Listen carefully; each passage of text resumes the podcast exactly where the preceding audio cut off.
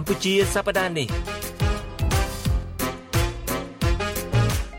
នេះគឺជាកម្មវិធី podcast របស់ Vuthu Azizi Serai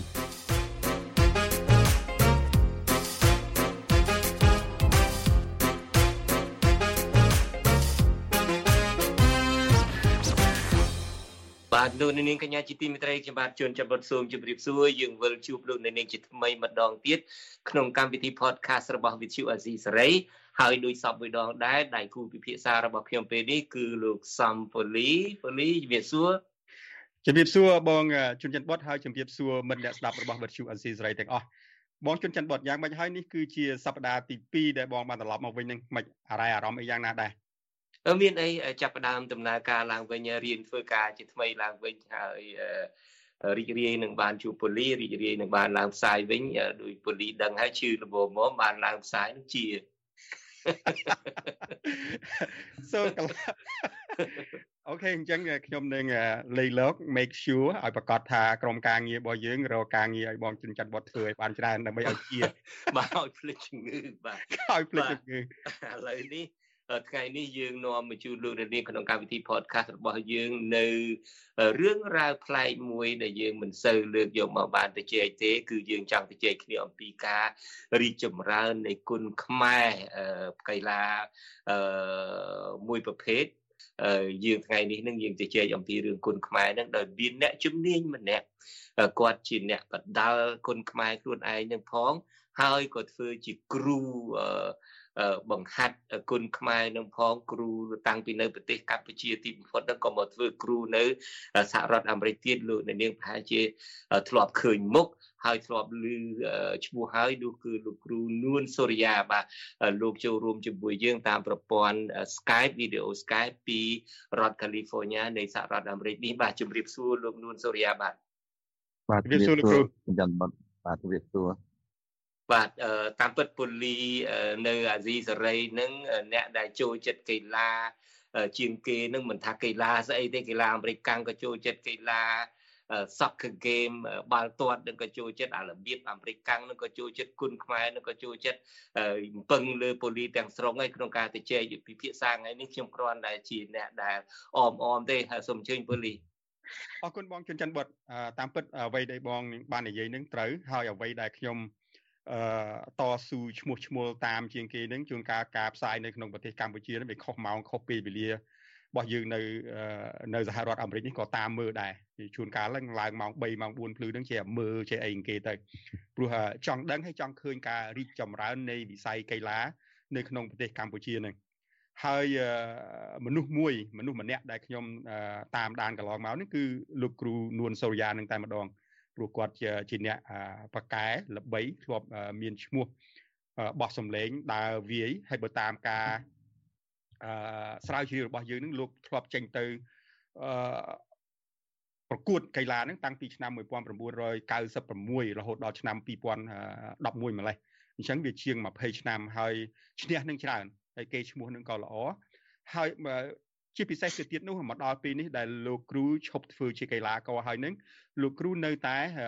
ឲ្យជាមតិយោបល់ដើម្បីបង្ហាញឲ្យកីឡាករខ្មែរចំនួនក្រោយនឹងយល់ដឹងពីយុទ្ធសាស្ត្រហើយពីបច្ចេកទេសផ្សេងផ្សេងដើម្បីអាចប្រកួតឈ្នះលើគូប្រយុទ្ធរបស់ខ្លួនបានអឺហើយអរគុណណាស់ដែលលោកគ្រូនួនសូរិយាបានចូលរួមក្នុងកម្មវិធីយើងក្នុងពេលនេះបាទ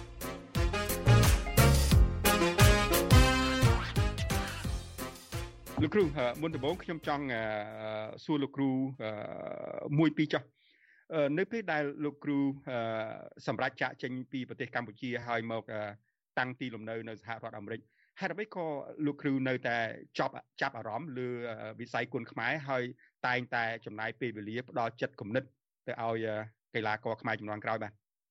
បាទដោយសារតែការឆ្លាញ់អឺ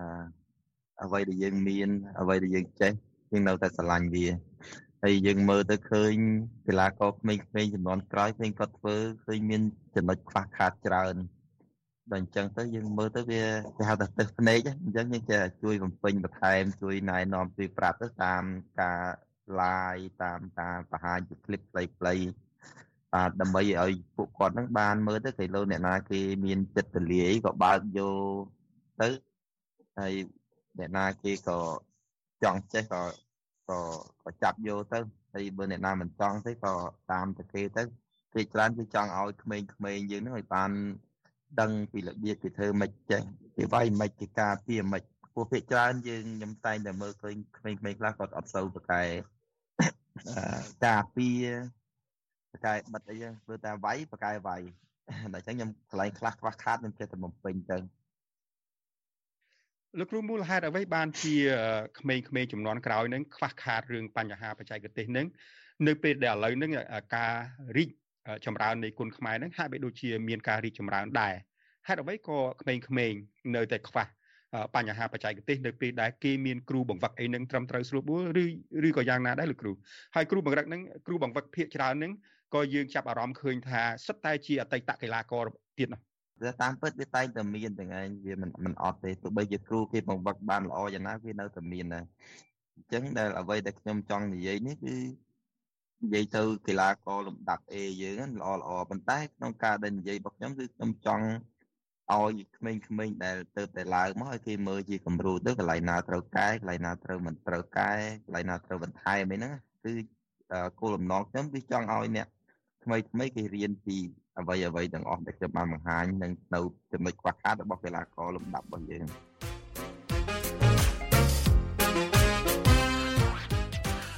អឺលោកគ្រូកាលលោកគ្រូនៅជាកីឡាករអឺតើរយៈពេលប្រហែលដែលលោកគ្រូចេញទៅប្រកួតនឹងចន្លោះពីការប្រកួតមួយទៅកន្លះទៅការប្រកួតមួយទៀតនោះបាទភាគច្រើននៅតាមខេត្តដំបងឡើយមួយខែអីគេបើកឲ្យម្ដងពីរដងអញ្ចឹងទៅ អញ្ចឹងពេលដែលយើងវាយឲ្យម្ដងអញ្ចឹងទៅវាឈឺខ្លួនអីទៅពី3អាទិត្យអីក៏បាត់ហើយហើយទៅមានកម្មវិធីថ្មីអីក៏វាយទៀតទៅរហូតតតែយើងវាយទៅយើងដូចថាយើងហាត់ផងយើងវាយផងយើងរាងកាយរបស់យើងវារឹងមាំដល់ពេលរាងកាយយើងរឹងមាំយើងអាចប្រកួតញឹកបានពេលខ្លះក៏មួយអាទិត្យពីរបីដងអីក៏មាននៅតាមខេត្តជួនកាលមួយអាទិត្យពីរបីដងលោកគ្រូបាទជួនកាលមួយអាទិត្យពីរបីដងក៏មានដែរ ដូចតែកម្មវិធីគេបើកប្រកួតនៅតាមខេត្តឧទាហរណ៍ថាខេត្តសៀមរាបគេប្រកួតរយៈពេលមួយអាទិត្យអញ្ចឹងមួយអាទិត្យហ្នឹងយើងអាចបាយបានដល់តែ3ដងចាអញ្ចឹងអាហ្នឹងតាមមើលយើងឈឺខ្លួនឬក៏អត់បើយើងឈឺខ្លួនខ្លាំងយើងមិនអាចប្រកួតបាននេះដូចយើងនៅក្មេងៗវាមិនសូវបញ្ហាដូចមានរបួសតិចតួចអីចាំនៅតែប្រកួតតទៀតទៅអានឹងតាមលើរាងកាយរបស់យើងដែរតែបើអ្នកខ្លះដូចប្រកួតហើយមានបញ្ហារាងកាយទ្រុឌទ្រោមខ្លាំងអានឹងក៏មិនអាចប្រកួតបានដែរ បច្ចុប្បន្ននេះលោកគ្រូបើតាមមើលទៅកីឡាករនៅក្នុងប្រទេសកម្ពុជាយើងនឹងហាក់បីដូចជាប្រកួតនឹងមួយអាទិត្យម្ដងញឹកញាប់សម្បើមមែនតែនតើលោកគ្រូគិតថាវាអាចប៉ះពាល់ទៅសុខភាពទេទៅថ្ងៃអនាគតហើយក្នុងដេញជីវិតនៃអ្នកជាកីឡាករនឹងអាចបានយូរអង្វែងទេបើសិនជាប្រកួតញឹកញាប់យ៉ាងហ្នឹងលោកគ្រូបើតាមការពិតទៅការប្រកួតញឹកញាប់គឺល្អសម្រាប់កម្លាំងកម្លាំងរបស់យើងវាកាន់តែខ្លាំង វាវាល្អអញ្ចឹងប៉ុន្តែបើសិនជាយើងប្រកួតយើងមានរបួសមានក្រមក្នុងមានអីអាហ្នឹងវាពិបាកអាហ្នឹងវាប៉ះពាល់ទៅថ្ងៃអនាគតតែបើយើងប្រកួតដូចថាយើងប្រកួតតែមួយទឹកពីរទឹកហើយយើងអត់មានត្រូវអីធ្ងន់ធ្ងរទេអាហ្នឹងវាអត់បញ្ហាទេតែបើយើងប្រកួតទៅមានវាយទៅវាយមកវាយទៅវាយមកហើយយើងប្រកួតញឹកណាស់ណាស់វាយទៅវាយមកវាមានចូលខ្លះត្រូវខ្លះអញ្ចឹងអាហ្នឹងបើសិនយើងប្រកួតច្រើនវាមានក្រមក្នុងអាហ្នឹងពិបាកថ្ងៃអនាគតពិបាក លោកគ្រូមានដែរបានគិតឬក៏ជួយគិតទេនៅជាពិសេសនៅក្នុងប្រទេសថៃអ្នកជិតខាងរបស់យើងនឹងចំពោះកីឡាករដែលប្រដាល់នៅដែលយើងឃើញនៅតាម TV នេះគឺថាក្នុង3អាទិត្យបានគេឲ្យប្រកួតម្ដងទោះបីឈ្នះក៏ដោយអឺព្រោះគេគិតថាបើសិនជាមានការអឺប្រកួតញឹកញាប់ពេកទៅវាអាចប៉ះពាល់ដល់សុខភាពតើលោកគ្រូគិតយ៉ាងម៉េចដែរចំពោះបញ្ហាហ្នឹងតែគេឃើញចឹងល្អប៉ុន្តែសម្រាប់យើងដោយសារតែយើងខ្វះធនធាន កីឡាករយើងវាមានតិចហើយកម្មវិធីច្រើនហើយណាមួយការប្រកួតរបស់យើងក៏មិនសូវជាបានលុយច្រើនដែរអញ្ចឹងកីឡាករគ្នាក៏ត្រូវការចំណូលបើអញ្ចឹងមានតែប្រកួតតាមលទ្ធភាពដែលអាចធ្វើបានហ្នឹងឯងវាអាចនឹងប៉ះពាល់ថ្ងៃក្រោយប៉ុន្តែឥឡូវវាចាំបាច់គឺត្រូវការលុយ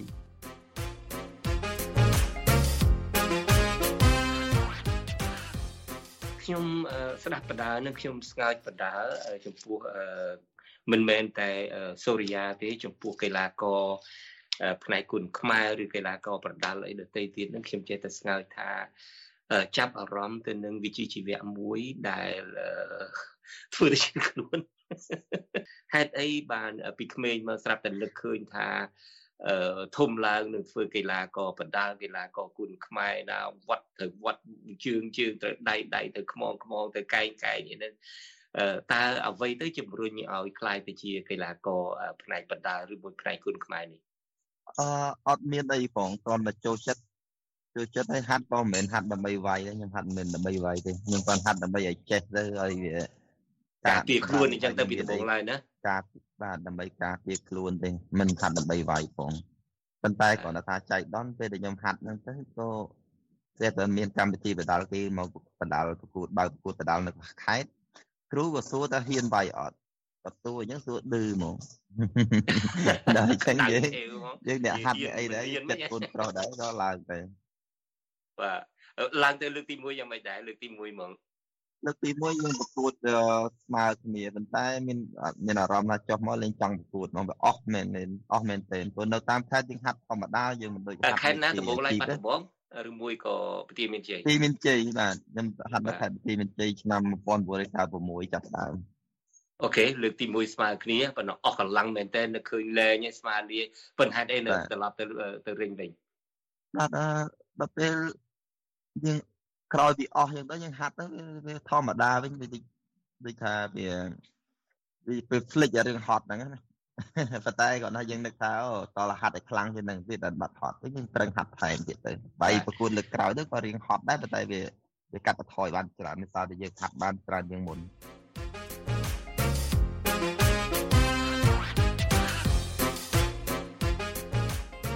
គុណលោកគ្រូអរគុណបងច័ន្ទបុតអឺចំពោះខ្ញុំមនុស្សដែល សម្រេចចិត្តជ្រើសរើសយកជាជីវៈជាអ្នកជាកីឡាករជាអ្នកប្រដាល់គុណខ្មែរហ្នឹងគឺថាបើតាមមើលទៅ មានការលះបង់ច្រើនណាស់ជាពិសេសតកតងការបដូរសាច់បដូរឈាមហ្នឹងណាគឺថាផ្សងគ្រប់បែបយ៉ាងទាំងអស់អានឹងគឺជាអ្វីដែលខ្ញុំឮពីក្រុមកីឡាករនិយាយមកគឺថា ឈ្នះចាញ់អីគឺថាមួយដៃមួយជង្គង់ឬមួយកែងអីហ្នឹងទេជួនកាលទោះបីជាខំហាត់វឹកវើរៀនយ៉ាងណាក៏ដោយប៉ុន្តែខ្ញុំចង់ងាកទៅសួរលោកគ្រូអញ្ចេះវិញព្រោះឥឡូវហ្នឹងខ្ញុំកត់សម្គាល់ថាកីឡាករខ្មែរនៅពេលឡើងត្រូវបដល់ឡើងទៅវាយជាមួយគូភាគីភាគតិចណាស់ដែលខ្លួនហ៊ានអះអាងថាមានទំនុកទុកចិត្តលើខ្លួនឯងថា100%នឹងឈ្នះគេមូលហេតុអីលោកគ្រូបានអ្នកកីឡាករ ឡើងទៅបដូរបដាច់ហើយមិនហ៊ាននិយាយថានឹងឈ្នះគេ100%អឺជាការពិតកីឡាករសម្រាប់ស្រុកគេគឺគេឡើងគឺគេទៅគេតែងតែអឺមានសង្ឃឹមនិងជំនឿចិត្តហើយហ៊ាននិយាយថាគេសង្ឃឹម100%នឹងផ្ដួលកីឡាករកម្ពុជា100%ឬក៏ផ្ដួលដៃគូរបស់គេ100%គេតែងតែហ៊ាននិយាយ ការនិយាយរបស់គេនេះគឺដើម្បីឲ្យទស្សនិកជនឲ្យអីគេគ្រប់គ្រងហើយគេមានជំនឿចិត្តលើគាត់ហើយឲ្យគាត់ក៏មានជំនឿចិត្តលើខ្លួនឯងលើកទឹកចិត្តខ្លួនឯងដែរប៉ុន្តែសម្រាប់ខ្មែរយើងវិញបើសិនតែយើងហ៊ានតែនិយាយអញ្ចឹង fan fan គេពេបជ្រាយគេថាយើងអួតគឺថាយើងលើកដំកើងខ្លួនឯងពេកពីព្រោះខ្មែរយើងច្រើនតែមានរបៀបមួយថាជាមនុស្សអោនលំតូនมันមានអាចរិតបែប អួតអំនួតអីចឹងណាដល់ចឹងខ្មែរយើងពិចារណាគេអត់ចូលចិត្តអញ្ចឹងដល់អញ្ចឹងទៅកីឡាករគ្នាតែហ៊ានតែថាជឿជាក់100%អីហ្នឹងដឹងថាត្រូវគេរិះគន់ខ្លាំងមែនទែនភាគច្រើនជាពិសេសពេលដែលគាត់ប្រកួតទៅមានបញ្ហាអាចថាចាញ់ឬក៏ប្រកួតមិនល្អហ្នឹងណាត្រូវរបស់គេគេរិះគន់ខ្លាំងខ្លាំងមែនទែនដល់អញ្ចឹងទៅកីឡាករខ្មែរយើងមិនសូវហ៊ានអ្នកណាទោះបីជាមានសង្ឃឹម100%ក៏គេអត់ហ៊ាននិយាយថាសង្ឃឹម100%ដែរ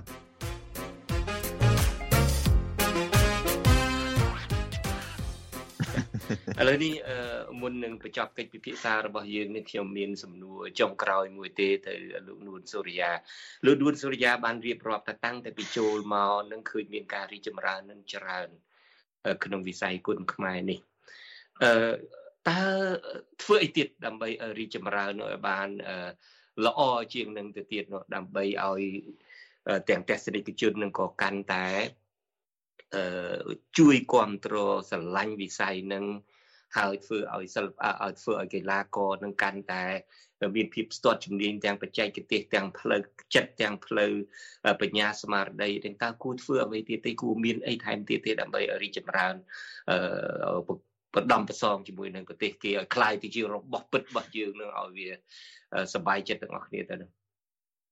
អឺខ្ញុំមើលឃើញឥឡូវនេះខ្ញុំខ្ញុំដូចថាមិនសូវជាបានគិតច្រើនទេគាត់ថាអ្វីដែលខ្ញុំមើលឃើញឥឡូវឥឡូវនេះដូចជា មានមកចំណុចពីរដែរទីមួយយើងត្រូវតែបង្កើតកម្មវិធីថ្នាលគុណខ្មែរឲ្យបានច្រើន ការប្រកួតថ្នាលប៉ុន្តែការប្រកួតថ្នាលមិនមែនយើងមានន័យយ៉ាងម៉េចទៅថ្នាលគុណខ្មែរប្រកួតថ្នាលគុណខ្មែរនេះមានន័យយ៉ាងម៉េចទៅមានន័យថាកីឡាករដែលទៅតែចាប់ផ្ដើមវឹកហាត់បានល្មមអាចវាយបានបានន័យថាកីឡាករដែលមិនដែលវាយសោះហើយនិងកីឡាករដែលទៅតែវាយបានតិចតួច ឲ្យគ្នាបញ្ចេញសមត្ថភាពបានកាន់តែច្រើននៅសៃវៀនថ្នាលដែលជាមិនជាសៃវៀនមិនមែនជាសៃវៀនតាម TV តាមទូរទស្សន៍អីហ្នឹងអូខេអាហ្នឹងសៃវៀនថ្នាលហ្នឹងភាគច្រើនគេធ្វើនៅតាមអឺតាមក្លឹបតាមជីមរបស់គេបើយើងបង្កើតកម្មវិធីនឹងបានឲ្យកាន់តែច្រើនអញ្ចឹងក្មេងៗដែលថ្មីថ្មីគ្នាមកហាត់បានកាន់តែច្រើននេះទៅអញ្ចឹងយើងនឹងមានធនធានផ្នែកកីឡារបស់យើងកាន់តែច្រើនហើយមួយទៀតការដាក់បន្ទុក សុក្រិតយុទ្ធធរវាគឺជារឿងសំខាន់បើសិនជាយើងដាក់សុក្រិតដាក់បន្ទុកឲ្យវាសុក្រិតយុទ្ធធរកុំលំអៀងអញ្ចឹងធ្វើឲ្យកីឡាករក្មេងៗយើងនឹងក៏គ្នាមិនបាក់ទឹកចិត្តដែរបើសិនជាដាក់លំអៀងញឹកពេកទៅវាធ្វើឲ្យគ្នាបាក់ទឹកចិត្តគ្នាក៏ឈប់លេងចង់ប្រកួតលេងចង់អីចឹងទៅ យើងអញ្ចឹងភាពអយុត្តិធម៌របស់អញ្ញាកណ្ដាលនឹងដែលអាចមាននិន្នាការគ្រប់គ្រងខាងណាខាងណានឹងមានភាពអយុត្តិធម៌ច្រើនដែរក្នុងការដាក់ពិន្ទុនឹងលោកសូរិយាអឺនិយាយមើលជារួមទៅវាមិនជាច្រើននេះទេគ្រាន់តែវាឃើញញឹកដែរវាអាសាឃើញវាវាមិនច្រើនទេដូចថាយើងការប្រកួតឧទាហរណ៍ថាការប្រកួតនឹងមាន4 5អាទិត្យអញ្ចឹងមាន1អញ្ចឹងណា អញ្ចឹងយ៉ាប៉ុន្តែមាន1មាន2នឹងក៏ធ្វើឲ្យប៉ះពាល់ដួងចិត្តកីឡាករនឹងមិនស្ទើរដែរទេបាទវាប៉ះពាល់អារម្មណ៍ខ្លាំងបើសិនជាកីឡាករខ្លះចិត្តគាត់ខ្សោយឬក៏គេហៅថាចិត្តខ្លាំងអ្នកខ្លះថាចិត្តខ្លាំងប៉ុន្តែបើគិតខ្ញុំខ្ញុំគិតថាចិត្តខ្សោយចិត្តអន់បើសិនជាគ្នាចិត្តរៀងអន់តិចទៅគ្នាគ្នាដូចថាខំប្រឹងហាត់ចង់ងាប់វាទៅមកធ្វើអញ្ចឹងដាក់ មានកម្លាំងណាស់ហើយខំប្រឹងយ៉ាងណាក៏វាមិនគេមិនឲ្យឈ្នះចេះថប់បាយទៅធ្វើអីផ្សេងយើងឃើញយើងបាត់បង់ធនធានមួយបាត់ហើយបាទមានចំណុចមួយទៀតដូចជាខ្ញុំចង់ឲ្យខាងសហព័ន្ធឬក៏ខាងស្ថានីយ៍ឲ្យគាត់ផ្ដល់ឱកាសឲ្យកីឡាករដែលនៅតាមខេត្តឬក៏កីឡាករដែលនៅក្លឹបតូចតូចឲ្យគាត់មានឱកាសបានប្រកួតផងបានចាប់គូប្រកួតផងភាគច្រើនខ្ញុំឃើញតែល្អរឿងហ្នឹងឯងគឺចាប់គូអត់សូវបានបានតែក្លឹបធំធំទេក្លឹបធំធំគាត់ និយាយទៅគាត់គាត់គួរតែបានទេព្រោះអីគាត់មានកីឡាករល្អល្អច្រើនអញ្ចឹងក៏ប៉ុន្តែក្លឹបតូចតូចដែលគ្នាមានកីឡាករដែលថ្មីថ្មីកីឡាករល្មមល្មមវាមិនទៅខ្លាំងហ្មងនេះប៉ុន្តែគ្នាត្រូវការបញ្ចេញសមត្ថភាពដើម្បីអភិវឌ្ឍនៅសមត្ថភាពរបស់របស់គាត់ដែរហើយបើគាត់មិនបានបញ្ចេញសមត្ថភាពដើម្បីអភិវឌ្ឍទេតើវារីកចម្រើនយ៉ាងម៉េចតើគាត់អាចខ្លាំងយ៉ាងម៉េចកើតគាត់អត់អាចខ្លាំងបានទេបាទហើយមួយមួយទៀតការចាប់គូ ពេលខ្លះយើងចាប់គូអឺអ្នកចាប់គូខ្លះគាត់ព្យាយាមដាក់ឲ្យវាប្រហាក់ប្រហែលប្រហាក់ប្រហែលគ្នាអាហ្នឹងយើងបាយទៅឈ្នះចាញ់វាល្អមើលហើយក៏វាវាវាហៅថាវាណាថាវាល្អមើលអញ្ចឹងចុះវាសមគ្នាដល់ពេលអ្នកខ្លះចាប់គូយកអ្នកខ្លះវាយតិចតួចអញ្ចឹងទៅយកមកវាយមួយអ្នកច្រើនអញ្ចឹង ដូចជាឧទាហរណ៍ថាគ្នានោះមានបទពិសោធន៍បន្តិចតួចទៅហើយយកមកវាយនេះអ្នកល្អអញ្ចឹងទៅឧទាហរណ៍អញ្ចឹងទៅដល់រួចទៅបើគ្នាវាយបានវាគ្នាមិនឈោទឹកបានដល់15ទឹកអញ្ចឹងមកទឹកពីរទឹកគ្នាស្លាប់បាត់ហើយរួចហើយតាំងតាំងថាគ្នាហ្នឹងមកអត់គ្រប់ទឹកមកអត់គ្រប់ទឹកអាហ្នឹងក៏វាជាចំណែកមួយដែលដែលវាជាបញ្ហាសម្រាប់អ្នកថែបដែរអ្នកដែលក្លឹបតូចតូចអញ្ចឹងអាការចាប់គូហ្នឹងត្រូវធ្វើមិនឲ្យវាប្រហាក់ប្រហែលប្រហាក់ប្រហែលគ្នាអញ្ចឹងគ្នាអាចបញ្ចេញសមត្ថភាពអស់ហើយហើយ ដល់តែចាប់គូខ្លះវាអាចចឹងដែរអាចមួយខាងខ្លាំងមួយខាងអន់ដល់អញ្ចឹងគ្នាឡើងមកវាយធ្វើឲ្យគ្នាអឺគេហៅថាបញ្ចេញសមត្ថភាពអស់យ៉ាងណាក៏ដោយក៏វាកម្រិតអត់ដល់គេអញ្ចឹងធ្វើឲ្យគ្នាស៊ូទឹកអត់បានអាហ្នឹងទៅជា មានបញ្ហាថាគ្នាមកឈោទឹកអត់បានទាំងគេអត់ចង់ចាប់ឲ្យវាយអាហ្នឹងក៏មានសិតតែជាបញ្ហាដែលយើងត្រូវកែប្រែដែរធ្វើម៉េចចាប់គូឲ្យឲ្យបានប្រហាក់ប្រហែលគ្នាទៅ ហើយអ្នកដែលនៅខេត្តខេត្តហ្នឹងក៏ប្រឹងប្រែងអភិវឌ្ឍខ្លួនប្រឹងហាត់តទៀតណាអូខេអរគុណហើយដែលឆ្លៀតឱកាសដើម្បីមកទៅជែកគ្នាអំពីបញ្ហាគុណខ្មែរនេះហើយខ្ញុំក៏រីករាយដែរឬសូថាគុណខ្មែរយើងនឹងចង់ឬមិនចង់មកដល់ពេលនេះមានបញ្ហាអីក៏ដោយចុះក៏មានការរីកចម្រើនប្រៀបធៀបទៅនឹង ពេលដែលលោកសូរិយាចូលមុនគេស្វ័យពិតតែលោកសូរិយាក៏លើកឡើងថាគួរតែរីកចម្រើនឲ្យច្រើនជាងនឹងហើយលោកសូរិយាក៏បានឲ្យជាគំនិត3 4 5ដែរដើម្បីជួយធ្វើឲ្យជំរុញវិស័យគុណខ្មែរនេះកាន់តែរីកចម្រើនដូច្នេះខ្ញុំក៏មានអីទៀតដែរពូលីមានអីទេបើមិនចឹងទេយើងជម្រាបលាលោកនាងកញ្ញាទៅត្រឹមនេះបាទគាត់ចង់ជម្រាបលោកគ្រូនួនសូយ៉ាថាខ្ញុំដែលជា fan របស់លោកគ្រូនៅតែជា fan ដដែល ហើយខ្ញុំជា fan របស់គុណខ្មែរខ្ញុំនឹងបន្តគ្រប់គ្រងគុណខ្មែរតទៅទៀតបានហើយអរគុណលោកគ្រូសូយ៉ានិងអរគុណមិត្តអ្នកស្ដាប់របស់វិទ្យុអស៊ីសេរីទាំងអស់បាទ ចំពោះលោកនៅនាងកញ្ញាវិញនៅសប្តាហ៍ក្រោយខ្ញុំពីអ្នកពូលីនឹងនឹងឡើងមកជជែកគ្នាពីបញ្ហាថ្មីមួយទៀតហើយជម្រាបជូនទៅហើយបដ ாய் ទៅយើងចង់ជជែកគ្នាអំពីរឿងវប្បធម៌មួយដែលយើងធ្លាប់តែឮថាអាសាច់ជូនខ្លាបាននៅស្រុកបានតើពាក្យថាអាសាច់ជូនខ្លាទើបនៅស្រុកបាននេះមានន័យយ៉ាងណាសូមលោកអ្នកនាងរងចាំស្ដាប់កិច្ចពិភាក្សារបស់យើងនៅសប្តាហ៍ក្រោយបាទសម្រាប់ពេលនេះខ្ញុំបាទជួនចិត្តបុតព្រមទាំងលោកសំពូលីសូមជម្រាបលាទៅក្រុមនេះសូមជម្រាបលាបាទ